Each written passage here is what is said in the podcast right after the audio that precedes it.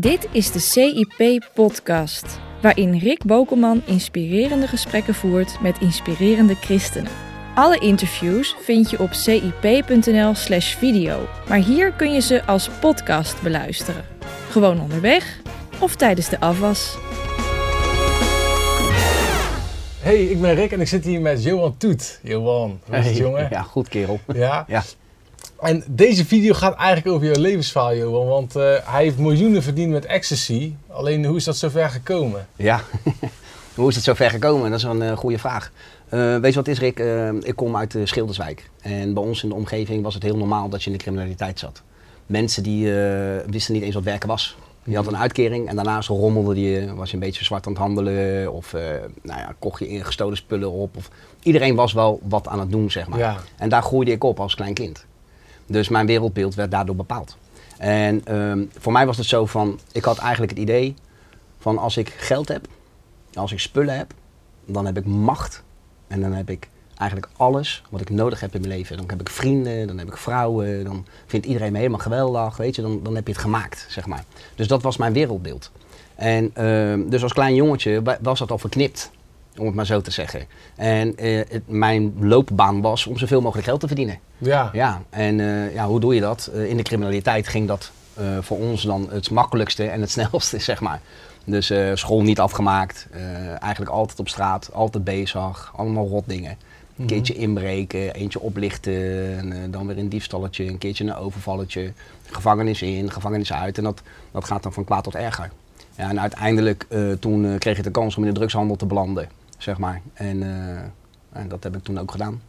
En hoe is het dan daar vanaf dat punt gekomen tot het punt dat je echt serieus geld verdiende? Ja, ja dat, ging, dat ging eigenlijk best heel snel. Eh, ik moet heel eerlijk zeggen dat ehm, eh, die keren dat ik vast had gezeten, was allemaal voor, voor stomme dingen.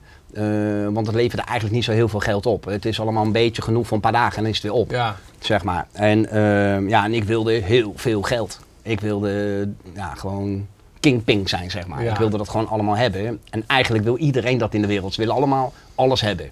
Iedereen wil alles Van hebben. spullen, want het Ja, ja. status Ja. aanzien. Mooie auto, mooi huis, mooie boot en ja, mooi horloge en eh, dure kleren. En, eh, ze zeggen allemaal wel misschien van, eh, nou nee, ik hoef dat helemaal niet. Maar de meeste mensen vinden het niet erg om veel geld te hebben, zeg maar. Alleen, die hebben een grens. Hè, van ik ga tot zover en niet verder. Ja. en die had ik gewoon niet. Nou, toen ik in de drugshandel belandde, zeg maar, toen ik in de ecstasyhandel belandde, toen ging dat heel, heel erg snel. Want ik ben best wel een jongen met een vlotte babbel. Dus voor ik het wist, had ik gewoon links en rechts een paar klanten die eh, aardige partijtjes van me opkochten. En toen zag ik een kans om ze zelf te gaan maken. Want hoe kwam je bij die, aan die ecstasy bijvoorbeeld? In eerste instantie kocht ik ze gewoon in van andere ecstasy-handelaren. Oh ja. dan, eh, dus eentje koopt het groot in en jij koopt het weer iets kleiner Oh in. ja, en en vervolgens die- dan verdient iedereen ja, op. Zo iedereen gaat, verdient daar dan uiteindelijk op. En ik was niet iemand die aan het dealen was met eh, één of twee pilletjes of zo. Ik kocht gewoon duizend of vijfduizend pilletjes en die gingen dan in één keer naar de andere klant. Maar Ah, uiteindelijk zat ik al heel snel aan de 100.000, 200.000, 300.000 pillen. Maar wat zijn het dan voor mensen, vraag ik me altijd af, hoe gewoon puur in die, in die wereld. Wat, wat voor types doen dat dan? Nou, in mijn periode waren het wel. eh, waren het op zich nog best wel relaxte mensen, om het maar zo te Mhm. zeggen. Eh, dus de hele zware, eh, levensgevaarlijke criminelen, zeg maar, die bijvoorbeeld in de speed en in de kookhandel eh, wel al heel erg actief waren. In de ecstasyhandel was het, was het iets matiger, zeg maar. Dus ik kon Mhm. goed met die mensen zaken doen, zonder al te veel eigenlijk gewoon een stress. soort bedrijf. Ja, het was gewoon, eh, het was gewoon heel relaxed allemaal. Eh, maar later werd dat wel steeds heftiger en heftiger. Ik, ik kwam op een gegeven moment met mensen in contact die zelf die pillen maakten. En die eigenlijk een beetje te heet onder hun voeten werden. En zeiden van, joh, als jij wil kun jij het overnemen. Dan kun je de keuken overnemen, Dus zeg waarom werd het heet onder hun voeten? Want ze dachten, justitie zit achter ons aan. Nou, dachten ze niet, dat wisten ze 100% zeker. dus ja, dan moet je op een gegeven moment gewoon zeggen van, oké, dan is het even klaar. Mhm. Dus toen ben ik uiteindelijk ben ik gewoon zelf die dingen gaan maken. En eh, dat is eigenlijk vrij simpel. En uiteindelijk eh, kwam het zelfs zo ver dat ik ook de, de grondstoffen die je nodig hebt om die ecstasy te maken, zelf leren maken. En voor ik het wist had ik gewoon verschillende laboratoriums. En eh, ja, dan groei je steeds meer en meer en meer. En hoe, hoeveel jaar hebben we het nu over dat dat gebeurde? Ja, dus in een paar jaar tijd is dat Serieus? gebeurd. Ja, in een paar jaar Zo tijd. snel? Ja, het gaat heel rap. En, en, maar dat, hoe, kan je dan, hoe kon je zoveel pillen dan in één keer wegzetten ergens? Ja. Dan moet je ook serieuze mensen kennen die dat geld hebben. Absoluut. Maar daar daar groei je gewoon in. Je begint als, je- iedereen begint als een kruimel, zeg Mhm. maar. Maar uiteindelijk, als je, als je genoeg honger hebt, als je graag genoeg wilt en genoeg ballen hebt, dan, dan kan je daar gewoon komen. En, eh, en die had ik, want eh, al kostte het mijn leven, ik wilde gewoon dat bereiken wat ik moest bereiken om te kunnen leven zoals ik wilde leven. Ja, en had je allemaal vrienden voor je die voor jou werkten of zo? Ja, je, je werkte met iedereen samen, dus het ging heel hard. Mensen kwamen spullen aanleveren en dan vroegen ze van, kun jij voor mij, eh, weet ik veel, 500.000 van die dingen maken of een miljoen van die dingen maken? Nou, dan maakte ik die. En dan verdiende ik natuurlijk een hoop geld aan, hun verdienen er geld aan. En, en zo komen er vanzelf steeds meer klanten, voor je het weet. Is dat, dat is gewoon een continu eh, en betalen iets. ging allemaal contant, want dat Ja, kan je niet op een band zetten. Ja, bank zetten. sterker nog, het ging vooraf. Want anders dan, eh, gaat de deal niet door. Oké. Ja. Dus er eh, kwamen er echt tassen met geld. Ja, eh, tassen met geld. Ik, ik heb wel stelmachines neer moeten zetten om het geld te tellen, omdat het zoveel was dat het niet te doen was om het met de hand te tellen. Dan ben je Mhm. gewoon eh, een paar dagen bezig en dan moest het gewoon snel tellen, dus dan heb je telmachines gewoon. Dus eh, die. en eh, gebruikte je ook in die tijd ecstasy zelf veel? Of? ja, ook. Ecstasy en cocaïne. Ik was zwaar verslaafd aan de cocaïne. Ik kocht een kilo coke en als het op was, kocht ik eh, weer een kilo. En als het op was, kocht ik weer een kilo. Dus ik was elke dag was ik drugs aan het gebruiken, elke dag was ik bezig. En ik ging 24 uur per dag, 7 dagen in de week door. Maar dat kan ook eigenlijk niet anders. Als je in zo'n waanzinnige wereld leeft, waar je zo verschrikkelijk veel geld verdient, waar je zoveel macht hebt, heb je ook heel veel vijanden. Heel veel mensen die eh, eh, eigenlijk willen wat jij hebt, zeg maar. Dus, Dus je- zijn gewoon jaloers. Ja, dus je moet heel scherp blijven. En je moet er continu op blijven, zeg maar. Dus, en door cocaïne, dan word je gewoon... Was je in die tijd veel eh, erg bang dan? Eh, nou, bang niet. Maar je bent wel paranoïde. Dat komt door de kook. En, eh, en paranoïde is iets anders dan angst, zeg maar. Wat moet ik me daarbij voorstellen dan? Nou, omdat je dan dingen gaat verbeelden en dingen gaat bedenken die er eigenlijk helemaal niet zijn. Zoals? Nou ja, politie, de politie zit bovenop je, bijvoorbeeld. Of ze willen je rippen, het klopt niet, laat maar gaan die deal. Of weet je, je ziet allemaal dingen die er eigenlijk helemaal niet zijn. Je, je kan in de auto eh, zitten en gewoon denken dat er vijf of zes auto's aan jou aan het volgen zijn. Zeg maar, want je krijgt allemaal waanideeën. Door, eh, Allemaal door de kook. Ja, te weinig slaap, te veel drugs en eh, weet je. Dus dat, En wat, wat deed dat met jou dan? ja, het maakte mij een compleet andere persoon dan dat ik in feite was. Want nu ken ik jou als een leuke jongen. Ja, nee, Hè? maar ik ben ook echt een leuke jongen, serieus. Maar, maar stel je voor dat ik jou toen was tegengekomen. Want ja, wij zijn die... Ja, we kunnen het Nee, maar was ik vinden, gewoon- Maar hoe, zou het nou, hoe was het dan toen als ik jou toen tegenkwam? Was het dan echt dat ik echt nog eens met jou had durven praten waarschijnlijk? Nee, maar ik was, ik was eh, naar mensen die niet in die business zaten, daar Gewoon net was ik helemaal niet mee bezig of zo verder. Zeg maar. Dus Ja. eh, kijk, als iemand dan in je buurt kwam of zo, dan was het wel van eh, flikker even een eind op of wat kom je doen of wat moet je. En, we waren niet vriendelijke mensen of zo, maar Nee. weet je, het- we, we hielden ons niet aan, we hadden- we waren alleen maar bezig met onze eigen mensen, met onze eigen wereld. Dus eh, ja, en daarin eh, is het Sodom en Gomorra. Alles kan. Je moet je voorstellen, Ik heb wel eens die ene film Wolf of Wall Street gezien. Dat is nou niet echt de meest christelijke film. Nee. dat ik nu geen boze mailtjes krijg van mensen. Oeh, de christelijke Ja. hoofdredacteur krijgt Wolf of Wall Street. Maar wel echt goddeloze dingen. ja, absoluut. Ging het er bij jou zo aan toe? Ja, absoluut. Nog gekker misschien wel. Weet je, Wat was het gekste dan? Ja, nou, maar je moet je zo voorstellen, Rick. Jij hebt zoveel geld dat je kan doen en laten wat je wilt. En waar jij in zit is een wereld van drugs, van seks, van feesten en van dure spullen. Dus als jij kan doen en laten wat je wilt en je hebt de middelen daarvoor, ga je die dingen doen in het extreme. Dus, Dus dan heb je een eh, hotelkamer die, eh, weet ik veel, 5000 gulden per nacht kost. En dan heb je 20 vrouwen en dan heb je één groot feest, één Sodom en Gomorra. Je hebt eh, zakken met kook op tafel leggen en je kan kopen wat je wil, je kan doen wat je wil. Je kan het zo gek niet bedenken en, dan, en zo leef je, maar niet één keertje, zo leef je dagelijks. Dat herken ik eigenlijk alleen uit van die Italiaanse maffiafilms. Of, eh, Ja, maar eh, als jij zelf heel zwaar aan de druk zit en je niet normaal kan redeneren, eh, leef je ook alsof je in een film zit, zeg maar. Maar dan moest jij toch gelijk de aandacht trekken van justitie. Ik bedoel dat... dat Nou nee joh, tuurlijk niet. Dat, is, dat zijn allemaal fabeltjes. Want die dingen die doe je nooit in het zicht natuurlijk. Dus als ik in een duur hotel zit van Dus je had 5000 dan ook gulden geen per nacht... dure auto bijvoorbeeld? Jawel, maar die stond er niet op jouw naam. Oh. Weet je, en eh, als jij een winkel binnenloopt en je zegt ik wil voor 50.000 gulden kleren hebben, dan is er niet eentje die zegt van eh, oh ik ga heel even bellen naar de politie, want volgens mij klopt dat niet. Nee, die willen die 50.000 gulden, heel de wereld is corrupt. Als ik in een hotel sliep, sliep ik niet op mijn eigen naam in het hotel. Zei ik gewoon verzet het maar op een andere naam, hier heb je eh, een beetje geld extra en dat was geen enkel probleem. Dus ik kon overal wonen, ik kon alles doen en ik kon alles hebben zonder dat ik zelf daar één keer Maar aan te pas kwam. mensen niet opvallen in jouw omgeving dat je te veel geld had dan? Ja, maar mensen in mijn omgeving die zaten in mijn business. Die waren met mij samen Dus iedereen in de business. iedereen wist alles, ja. Het was geen geheim of zo dat ik dat deed. Sterker nog, als mensen me vroegen wat deed jij, zei ik van ik zit in ecstasy. Dan zei ik gewoon, dachten ze, nou die gozer is helemaal gek. Ja. dus ja, Ik heb beter de waarheid vertellen, geloven ze je niet. Dat is natuurlijk allemaal een mooie patsenpraat. Maar wat Ja. zat nou ten diepste Mm. in jouw hart op dat moment? Waar was je nou uiteindelijk naar op zoek?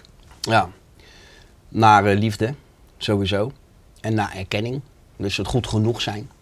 Dus dat- je? en dat dacht jij eigenlijk te verdienen door maar hard te werken. Ja, nou niet zozeer door hard te werken. Kijk, en natuurlijk, eh, het klinkt allemaal heel smeuig, hè, wat ik allemaal vertel. En eh, je vraagt er ook naar, dus ik vertel het je gewoon, ik maak van hart geen moordkuil. Tuurlijk. Het is de waarheid. Eh, maar het is niet iets waar ik heel erg trots op ben of zo, of waar ik naar terug verlang. Want eh, in mijn leven ben ik altijd afgewezen. In mijn leven was ik nooit goed genoeg. In mijn leven... Waar zei- kwam je dat tegen dan? ja, vanuit mijn jeugd, met mijn vader. Mijn vader die dronk zelf ook. En dan zei hij bijvoorbeeld, als ik met de vriendinnetje zat, zei hij van, weet je dat ik meer van haar hou dan van jou. Dat meisje had ik net een week verkering mee of zo. Nou, wat doet dat met, in, eh, met een Maar wat kind? deed het dan met jou? Ja, maakte me kapot. Hoe kapot? Ja, in de zin van eh, eh, dat je niet goed genoeg bent. Ik ben niks waard. Ik kan niks. Mhm. Ja, en niemand houdt van me. Dat gevoel, eh, dat kweekt het bij je. En je ziet dat al die mensen die geld hebben en spullen hebben, door iedereen aardig gevonden worden. Je ziet dat al die mensen die in de business zitten. Ik kwam in een, in een koffiehuis waar alleen maar criminelen kwamen. En al die mensen die geld hadden, of een dure Rolex of wat dan ook, die werden verheerlijkt, die werden als God behandeld. En ik dacht, dat wil ik ook. Dat moet ik hebben. Ja. Want als ik dat heb, dan vindt iedereen me geweldig. Ja. Dat was mijn beeld. Snap je? Dus mijn hele drive om dat te bereiken kwam daar vandaan. Vanuit pijn, vanuit eenzaamheid, vanuit een leegte, vanuit een storm in mij die niet tot stilte eh, gebracht kon worden. Weet je, er was gewoon, er was gewoon een enorme leegte in mij, in mijn ziel. Ja, en ik probeerde dat met al die dingen, probeerde ik dat op te vullen. Ja, Mhm. En ik heb het zo extreem gehad. Ik heb het zo extreem gedaan dat het eigenlijk niet normaal is en niet te bevatten is. En je zou er een film over kunnen maken, bij wijze van spreken. Maar het heeft me nooit gebracht wat ik zocht. Het Dus heeft was me nou nooit, nooit- gebracht. Maar er, er moeten gewoon momenten zijn geweest dat je denkt van wow, ik heb het niet echt goed gemaakt. Nee, want dat en is ik ben dus... echt wel echt tevreden met Ja, maar- al het geld dat ik heb. En ik kan nu lekker, als ik zou willen, zou ik eh, een paar jaar op vakantie kunnen. Ja, nee, maar dat deed ik allemaal. Maar, Maar- dacht je nee, maar dacht je dan niet van nou, nu heb ik, nu heb ik toch die erkenning en die prestige bereikt wat ik zou, had, altijd had gewild. Nee, maar dat is dus hoe het werkt in die wereld. Jij denkt, als ik dat heb, dan heb ik het allemaal. Mhm. Dan kan iedereen tegen mij zeggen van, wauw, goed Top. gedaan. Maar niemand zegt dat tegen jou. Ze zeggen het misschien wel over jou. Ze denken het misschien wel over jou. Maar niemand komt tegen jou en zegt van, zo man, hey, dat heb jij goed gedaan. Zo, echt gaaf man, ik ben echt kikker. Zeg, hey, dat ik, mag ik je vriend zijn? Of, niemand zegt dat. Waarom niet? Ja, weet ik veel. Ik zou het ook niet zeggen. Als ik iemand, eh, als ik iemand in die wereld, eh, weet ik veel, dat ik bijvoorbeeld eh tegenop kijk of zo. Hè, dat hij het helemaal gemaakt heeft. Ga ik niet tegen hem zeggen van, oh kijk helemaal tegen jou op. Nee, Oh, ik zou wel zeggen van, je nee, ego. Oh, maar ik zou wel zeggen van joh, goed gedaan man. Nee, ja, maar Lekker dat doe je niet. En- nee, dat doe je niet in dat Oh. wereldje. Nee, ja, weet ik, misschien ben ik te lief. ja, Ik zal alleen maar tegen die criminelen zeggen, zo joh, eh, Ja, ja, was een mooi pilletje, mooi kleurtje. Nee, alle gekheid op een stokje. Maar dat is zo... Dus je had nooit dat je toch er gelukkig van werd. Nee, want ik zat altijd uiteindelijk alleen. Altijd Al een paranoïde. vriendin of zo. Ja, maar je kon maar- iedereen krijgen waarschijnlijk. Ja, maar joh, die meisjes, dat stelt allemaal helemaal niks voor. En mijn vrouw is die hele wandel met mij mee geweest. Maar ja, die heeft ook aan momenten dat ze zei van... joh, ik kan het even niet trekken of Ja. ik ben eventjes eh, uit beeld of wat dan ook.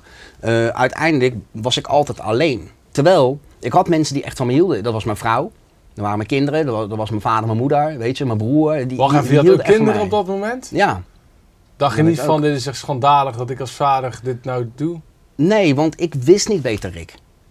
Dat je toen ook kinderen had. Ja, ik weet, Nee, dat, maar ik dit weet dat je kinderen hebt, maar ik wist niet dat je dat toen ook al had. Ja, maar kijk, eh, je moet het zo bedenken. Wat ik deed, voor mij, was normaal. Ik schaamde me daar niet voor. Ik voelde me er niet schuldig over. Het was mijn natuur. Dat was echt loco. Ja, maar dat was gewoon mijn natuur. Dus als ik, eh, mijn kinderen kregen alles wat ze wilden hebben. En ik verz- verzoop ze in alles. Hè. Ze hadden de mooiste dingen allemaal. Ja, maar ik was niet de vader die ze nodig hadden. Ja, en natuurlijk heb ik daar nu, als ik terugkijk, denk ik van, wat zonde zeg, want ik heb ze beschadigd. Snap je? Maar op dat moment weet je dat gewoon niet. Ja. Jij denkt dat het gewoon oké is hoe je leeft. En als je kinderen, en als ze zeggen van papa, ze zeggen dat je een crimineel bent, moet je zeggen, ja, dat is toch helemaal niet erg? Ja. Nee, dus zat ik in de gevangenis, kwamen ze bij me op bezoek. Oh, papa, wat heb je gedaan? Ik zeg, papa, heb geld verdiend voor jullie. Dan hoef je niet, eh, hoef je, niet eh, je eigen rot over te voelen, knul. Mag je trots op zijn. Je vader heeft alles over voor jullie. Dus dat, wat- dat, dat was hoe wij dachten. Ja, en het ging eigenlijk ja, super lang, super goed. Je knetterveel geld. Oké, je was paranoïde, dat is dan niet, niet zo gezellig. Maar wanneer ging het echt bergafwaarts en hard? Nee, weet je wat het was, Rick? Ehm, in, die- in die paar jaar ging ik als een raket. Ja, sky En- high. Ja, sky high. En, en toch, die nachten dat ik alleen was, dacht ik bij mezelf, is dit het?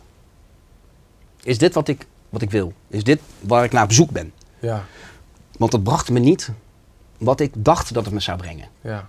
Dus eigenlijk heb ik dan nog steeds niks. Zelfs al heb je alles, dan heb je eigenlijk gewoon nog steeds helemaal niks. Dat voelde je. Ja, dat, zo voelde dat voor mij. Dus als je dan nog niet tevreden bent, wil je altijd meer. Je wil meer, meer, meer, meer, om dat maar te proberen te vullen. Maar het was niet te vullen. Er is er maar eentje die dat kan vullen en dat is Jezus. Maar dat wist ik natuurlijk niet. Maar wat wel gebeurde, en dat is een heel mooi verhaal. Ehm, uiteindelijk ben ik vertrokken naar het buitenland. Ik werd, was gevlucht in Nederland. Ik, moest, ik had zes jaar gekregen in Nederland voor een ecstasy-fabriek. Toen ben ik gevlucht. En eh, uiteindelijk zat ik in het buitenland met al mijn geld. En eh, nou ja, leefde daar eh, als, een, als een god in, in Frankrijk, om het maar even zo Ja. te zeggen. En ik kon doen en laten wat ik wilde. En dat deed ik dan ook. Hoe kreeg je dat geld daar even tussendoor? Ja, dat zijn allemaal dingen. Ja, Hoe, ben- dat wil ik even weten. Ja. Nee, nee, maar de vraag maar ja. Ja, Dat- joh. Leuk dat je het vertelt, maar hoe, hoe Oké. krijg je zoveel geld daar? mensen stappen gewoon met de koffer in het vliegtuig. Nu hoeven we dat niet meer te proberen, maar toen de tijd kon dat Oké, gewoon. oké. Ja, Ga door. eh, Dus je zat daar. En eh, daar werd het gewoon op de bank gestort. Want die mensen waren allemaal corrupt. Mhm. Dus dat was gewoon, up, niks aan de hand. Kon het gewoon zo omzetten naar euro's en het was allemaal helemaal top. Ehm, dus ik kon daar een huis kopen cash, ik kon daar een auto kopen cash, ik kon er een boot kopen cash. Ik kon al die dingen gewoon cash doen zonder dat iemand daar vragen over stelde. Sterker nog, ze vonden het juist helemaal geweldig dat ik was. Dat ik er was, weet je. Want ja, er kon een stuk geld aan Ja, tuurlijk. Dus dat was helemaal top. Maar eh, uiteindelijk eh, dacht ik van, weet je, ik ga hier ook een, eh, een fabriekje starten. Nou, dat heb ik toen gedaan. Maar ik wist niet dat ze van de Nederlandse politie al een jaar mij aan het volgen waren, zeg maar. Maar ehm, ongeveer een jaar voordat ik gearresteerd werd in het buitenland, toen, eh, toen zat ik eh, thuis in, in mijn grote villa met al mijn spullen en, en weet ik wat allemaal, met al mijn geld. In mijn eentje. Mijn vrouw die was met mijn jongste zoon eh, ergens anders ondergegaan eventjes, want het was gewoon too much. Ik was te heftig geworden, zeg maar. En, en ik zei van, God, als u nou echt bestaat, hè. Als u echt bestaat, dan moet u mij helpen. Want ik ga gewoon kapot. Ik ga dood. Ik kan zelf niet stoppen met drugs gebruiken. Wat ik ook probeer, ik kom er niet vanaf. Ik wil dit leven niet meer zoals ik het nu leef. Ik word helemaal gek. Help mij om hier vanaf te komen. Want ik was gewoon buiten mezelf. Ik was gewoon waanzinnig geworden. Mhm. In heel mijn gedrag, in heel mijn denken. In heel mijn... Ik kon gewoon niet meer normaal beredeneren. Je bent gewoon een psychopaat, Ja. om het maar zo te zeggen. En, eh, en iedereen alles moet buigen naar jouw wil. Weet je, en dat is voor mensen verschrikkelijk. Dus ik, ik deed gewoon heel veel kwaad, zeg maar. Gewoon eh, schade aan de mensen Ja. van wie ik hield en zo. En ik schreeuwde het gewoon uit vanuit mijn hart, weet je. En, en ik weet nog, want ik had een heel hoog plafond en ik keek naar de hoek van dat plafond. En ik, en ik had echt die, die blik op oneindig gewoon van, ik spreek nu gewoon echt tegen u. Als u bestaat, moet u mij helpen, Ja. want ik ga dood. Weet je, een God kan dat toch niet toestaan? Dat ik dan dood ga als ik vraag om hulp. Zo was mijn gedachte. En, Oh, dat dacht je letterlijk zo. ja, je bent, je bent eh, heel trots. Ja. Heel veel ego. Maar op dat moment dat ik, het, ik het echt uit. Van help mij alsjeblieft. Dus je klein mannetje. Ja, maar er gebeurde eigenlijk helemaal niks. Die avond gebeurde er niks. Het was een emotioneel moment. En daarna ging ik gewoon weer verder met gebruiken en zo. Niks aan de hand. Maar een paar maanden later, op kerstavond, probeerde ik, ik rookte het. Probeerde ik het te roken. Ging mijn fles kapot, ging mijn glas kapot, ging mijn aansteker kapot. Probeerde ik het dan maar te snuiven, viel het van mijn hand. Viel ik in slaap al of zo en dan werd ik weer wakker. En iedere keer ging alles fout. Dus ik kreeg die drugs niet in mijn lichaam. Het, het kwam niet daar waar ik het wilde hebben. En op een gegeven moment was het op. Echt bizar. Ja, en toen dacht ik bij mezelf, weet je, eh, het legt daar korrels, legt daar korrels, legt daar rotzooi. En, eh, maar ik heb er geen zin meer in, ik ga nu naar bed. Toen ben ik naar bed toe gegaan en de volgende morgen toen ik wakker werd, was het alsof ik nog nooit drugs had gebruikt in mijn leven. Ik, had, ik, ik liep mijn woonkamer en ik dacht, wat is het hier een zootje. Niet normaal zeg hé. Ik had heel mijn huis bijna afgebroken. Want eh, in die frantic eh, sessies die ik dan had, zeg maar, ging ik gewoon mijn keuken in, in zeven kleuren spuiten, bij wijze van spreken. En, eh, Ja? ja? joh, want je, je, werd, je, je was gek als een deur. Je, moet maar eens denken aan een Herman Brood of zo, die dan de hele dag aan het schilderen is. Nou, zo was ik mee naar huis. Ja, aan het doen, aan de dat is kunstenaar. Ja, want ja, je wordt, je wordt gewoon lijp. Ziek. Ja, weet je, dat komt door die drugs natuurlijk. En ik zag dat en ik dacht, man, weet je, wat is dit joh, hé? Je, en ik wilde er niks mee te maken hebben. Ik taalde er niet naar, ik vond het smerig. eh, en ik had echt zoiets van, opruimen die rotzooi. En ik heb toen eh, heel mijn huis eh, heb ik toen, laten doen voor 20.000 euro. Om het helemaal weer terug te krijgen in zijn originele staat, zeg maar. Zo, Zo. zootje had ik ervan gemaakt. Deuren die Zo'n, kapot waren en weet ik wat En welk allemaal. land zat je toen? Toen zat ik in Portugal. Ja, dus Ja. Maar daar, daar zijn, is het ook wat goedkoper dan Nederland. Ja, nou dat is niet... eh, goed, 20.000 ja, ja. euro voor een Ja, opruim, Ja, ja, ja, ja. opruimsessie, Ja, dat is nogal precies. eh, prijzig. Ja, ja, ja, ja. Hoe ging het toen verder? Dus, eh, maar goed, ik was dus gestopt met drugs. Ik gebruikte Dacht je niet meer. trouwens niet van dit, dit moet God zijn? Nee, helemaal niet. Het was maanden later. Dus ik dacht gewoon van, ja, ik ben gewoon gestopt, wel. Niks aan de hand, kan het gewoon. kan het gewoon Ja, dikkel. ja. Dus eh, toen begon ik mijn leven een beetje op te ruimen. Zoals ik al zei, het huis eh, liet ik een beetje opknappen en zo. Toen dacht ik van, nou, eigenlijk hoef ik niet meer in zo'n groot huis te leven. Ik wil eigenlijk misschien naar een kleiner huis. Dus eh, ik dacht, dan ga ik het te koop zetten. Ik, had, ik reed een hele dure auto's. Ik denk, nou, misschien moet ik wat auto's wegdoen. En weet je, ik, ik had dat idee al om een bepaalde dingen op te gaan ruimen in mijn leven. Want ja, die had ik in één keer niet meer zo hard nodig. Als toen ik ze nodig had toen ik zwaar aan de, Ja. aan de kook zat, zeg maar. Eh, maar goed, eh, ik was ook bezig gewoon met mijn met mijn pillenfabriek. Ik was gewoon eh, nog steeds eh, met mijn handel bezig. En de politie zat al een jaar bovenop mij. Dus uiteindelijk werd ik gearresteerd. Bijna een jaar nadat ik clean was, zeg maar, werd ik gearresteerd in, in Portugal. En, eh, en mijn vrouw werd ook gearresteerd. Zij heeft twee jaar in voorarrest gezeten. We mochten elkaar niet zien, mochten elkaar niet spreken. Helemaal Kinderen niks. ook niet. Nee, mijn kinderen die gingen naar Nederland. Die gingen naar mijn moeder. Dus het was, was een hele moeilijke situatie, zeg maar. En, ehm, maar ja, uiteindelijk eh, toen, eh, toen werd ik veroordeeld. Ik kreeg daar 12 jaar. Ik had 6 jaar in Nederland, dus bij elkaar 18 jaar. Mhm. En eh, ja, dat is best een lange tijd, denk ik. Voor drugshandel vond ik het zeker een lange tijd. Ja. En ik dacht van ja, weet je, het maakt eigenlijk niet uit, het is oké.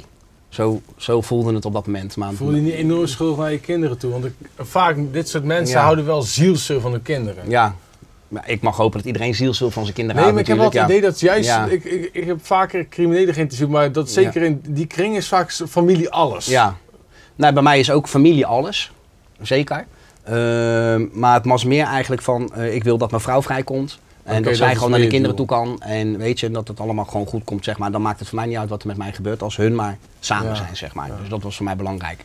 Maar toen, voor de duidelijkheid, wist je nog altijd niet van dit is God geweest. Die mij Nee, toen, nee, nee, eh, nee, helemaal niet. Nee, want ik zat in de bias en in de bias ging ik gewoon verder met mijn business. Ja. Was dan wel niet in de ecstasy, maar was ik wel met andere dingen bezig. Contacten leggen en weet ik wat allemaal. Dus de eerste jaar, anderhalf jaar, eh, was ik gewoon net als de rest, gewoon aan het overleven. En dat was elke dag knokken om te overleven. Want je komt daar wel in een, eh, in een gekhuis.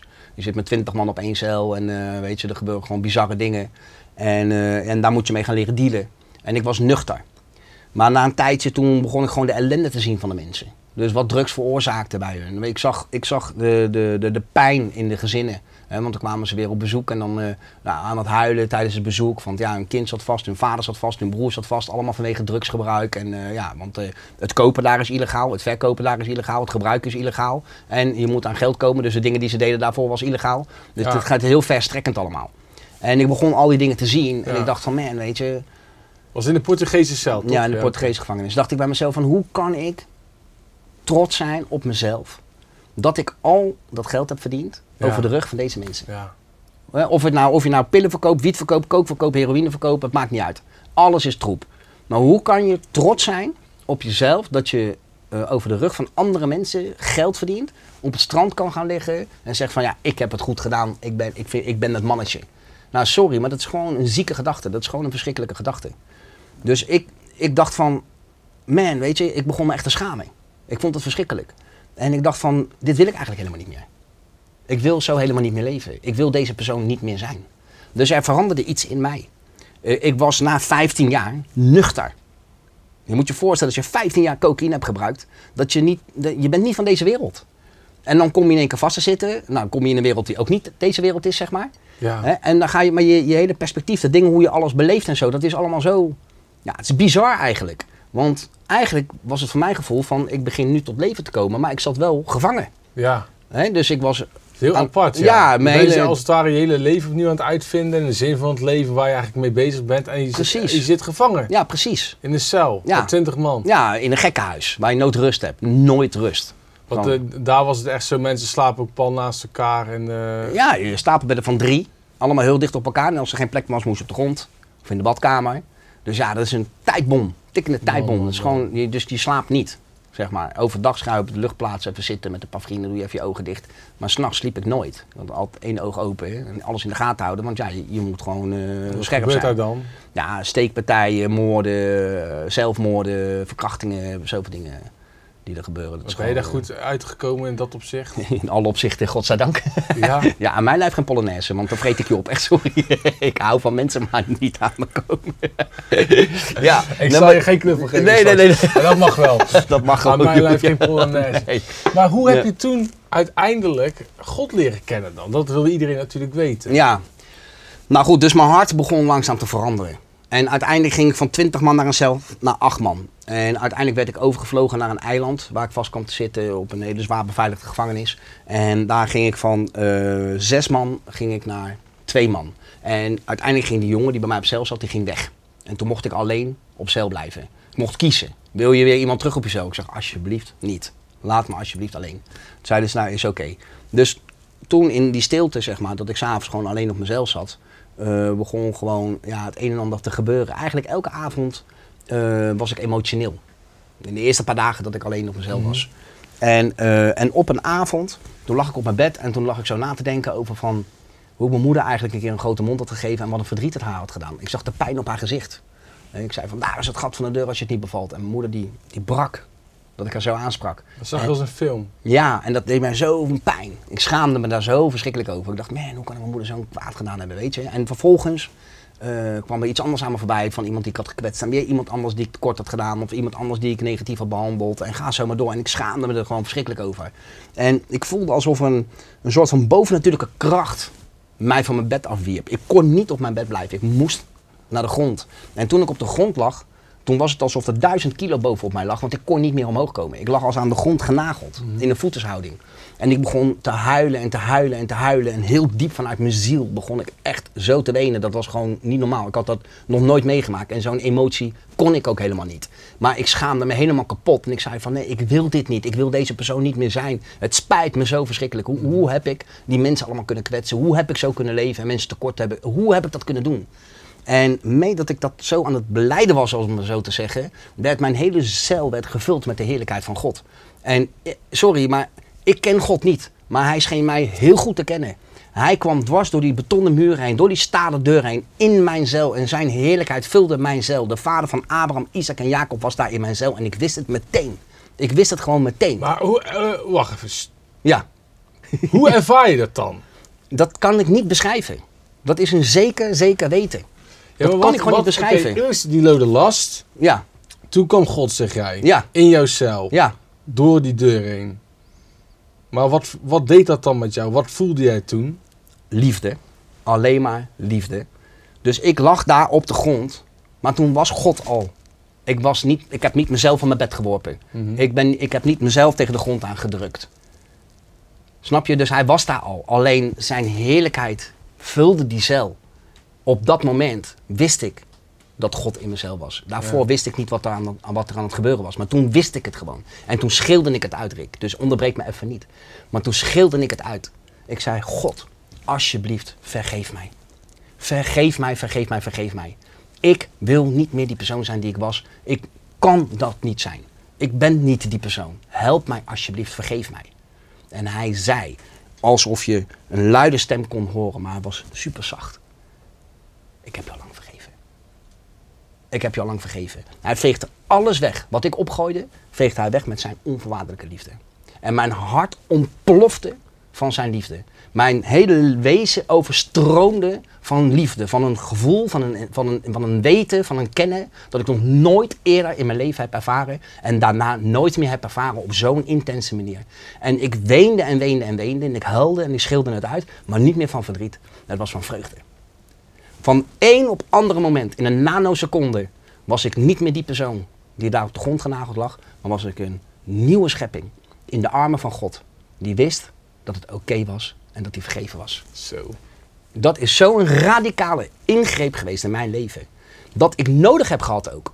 Want sommige mensen zeggen wel eens van ja, ik wou dat ik zo'n radicale bekering had Ja. meegemaakt. Weet je, maar sommige mensen hebben dat helemaal niet nodig. Ik had het wel nodig, want mijn hart was van steen. Die was beton. Maar hij stak zijn arm in mijn borst en trok mijn hart van steen eruit en gaf me een hart van vlees. Ik had dat nodig en dat heeft hij mij gegeven. God is een goede God. Hij is een Zo. God van genade. Alleen op die manier kon mijn leven omdraaien. Maar kon je dat wel begrijpen, dat, dat God zo van je hield, ondanks wat je had gedaan? Nee, natuurlijk kan je dat niet bevatten.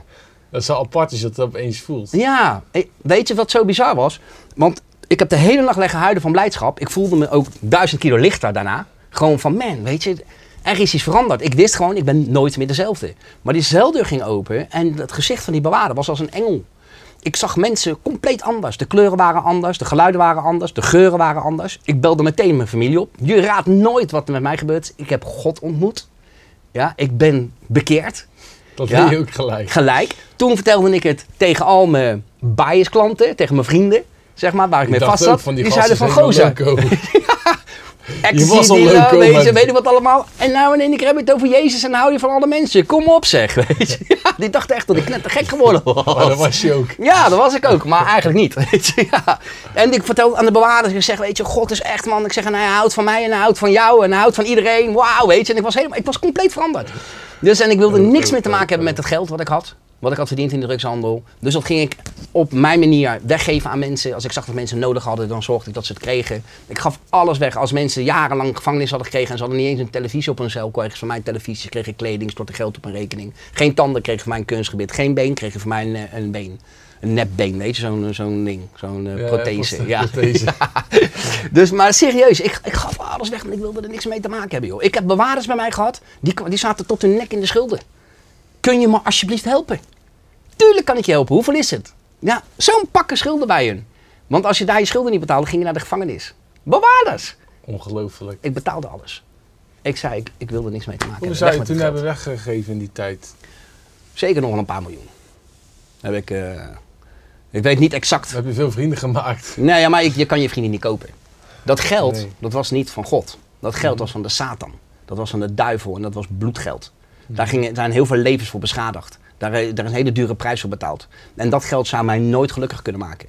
Dat kon me niet gelukkig maken en het zou me ook nooit gelukkig kunnen maken. Dus dat geld heeft geen waarde. Ja. Dat is net als een krant. Je kan het zo weggooien. Dat doet helemaal niks. En, en hoeveel tijd zat er tussen dat je dat meemaakte en dat je vrij kwam? Nou, ik heb uiteindelijk heb ik tien jaar gezeten.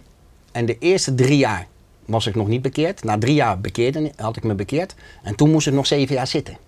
Zo, Ja. dus- dat doet me aan Maar- allerlei bijbelse verhalen denken. Nog ja, zeven jaar. Ja, maar ik wist niet dat ik nog zeven jaar moest zitten. Ik had niet eens geen idee. Ik had 18 jaar en wanneer ik vrij zou komen, zou ik, dat wist ik gewoon niet. Hoe heb je je tijd toen gevuld, die zeven jaar? Alleen maar met God. Alleen maar met God. Ik was alleen maar bezig met mensen te vertellen over God. Ik was alleen maar bezig met Hemzelf. En ja, je gaat allerlei dingen ontdekken, weet je. Dus je, ja, voor mij was dat natuurlijk ideaal. Want ik had alle tijd van Ja. de wereld. zeg maar gewoon om hem beter te leren kennen, zeg maar. Maar ehm, zelfs zonder kennis van de Bijbel was ik een evangelist in hart en nieren. Want mensen zeiden tegen mij, waarom ben je nou vrolijk? Hoe kan jij nou vrolijk zijn? Je hebt zoveel jaar bij je. Hoe kan je nou vrolijk zijn? Maar je bent alles kwijt. Hoe kan jij nou vrolijk zijn? Ik zei, ah man jongen, ik heb iets ontdekt. Weet je. Als je dat hebt, dan heb je niks anders meer nodig. Echt waar? Wat is dat dan? Dat is God. Weet je. En dan ging ze vertellen. En dan zaten ze te huilen. En dan gaven ze het hart aan Jezus. Echt jongen, mensen die zelfmoord wilden gaan plegen. Zeg, doe het niet man. Er is iets veel beters. Weet je, je komt er vanzelf wel een keer op die plek. Maar nu kan je nog genieten. Dus ja, dat was gewoon fantastisch. Ja. Nou, dus zo was ik bezig, alleen maar met andere mensen helpen. En eh, weet je, ik heb niet in een week al wat geld weggegeven. Weet je, dat, dat ging Ja. over een hele periode. Maar het, ik heb zulke mooie dingen mogen doen en ik heb zo mogen, er mogen zijn voor anderen, dat ik mezelf helemaal vergat. Ik was helemaal niet met mezelf bezig. Ik was goed genoeg. Ik wist, als ik eruit kom, ga ik er nooit meer in. Ik wist, mijn leven wordt nooit meer hetzelfde. Ik wist, alles is goed gekomen.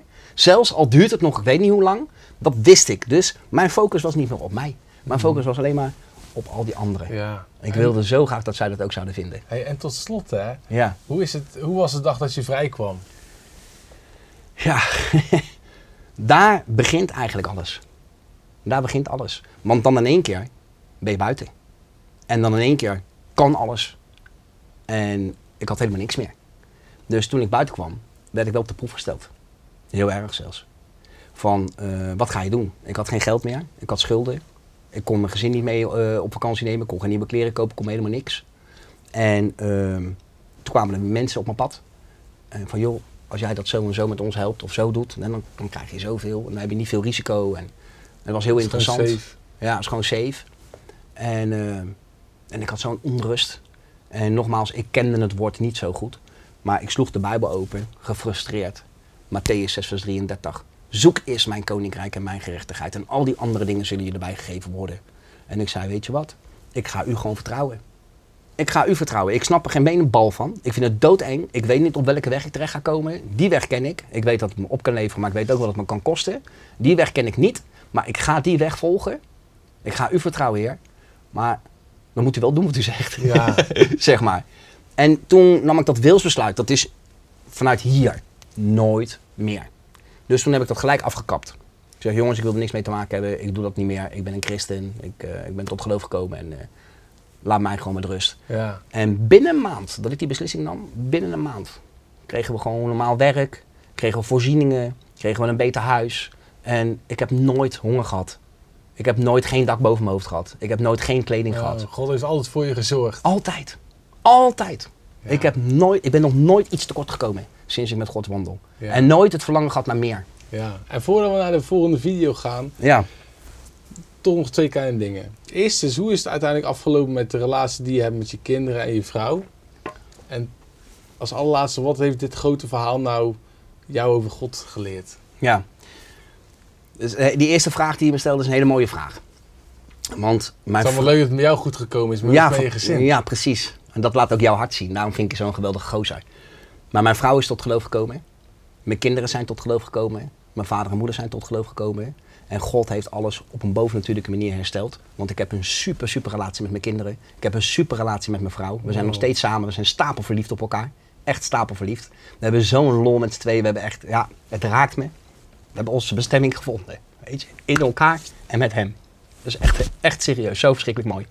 Mijn moeder en mijn broer en al die mensen, weet je, het is allemaal dit. Als je het hebt over eenheid, in hem, dan zijn wij echt één geworden met elkaar. En het is zo, zo verschrikkelijk mooi. En ik heb vier kleinkinderen in, ondertussen. En eh, die zijn helemaal gek op opa. Die vinden Ja. opa helemaal geweldig. Dat is ook mooi. Ja, God heeft alles hersteld. Ik had alles kwijt kunnen zijn, maar hij heeft dat belangrijkste, wat het aller, allerbelangrijkste is in dit leven. Buiten hem dan, zeg maar, je gezin, je kinderen en je kleinkinderen, dat heeft hij hersteld. Ja. Dus wat heeft dat mij over God geleerd? Dat de aller, aller, aller, aller, allerliefste vader is die je maar kunt wensen in je leven. Die je onvoorwaardelijk van ons houdt. Amen. Onvoorwaardelijk. Ja, Geweldig. ja. Dankjewel, jongen. Ik hoop dat dit eh, miljoenen mensen zou inspireren. Want ik heb ook gehoord dat je een boek gaat schrijven. ja klopt ja. Volgens mij is dit iets wat iedereen zou moeten horen. Tot de volgende video. Ja. Doei.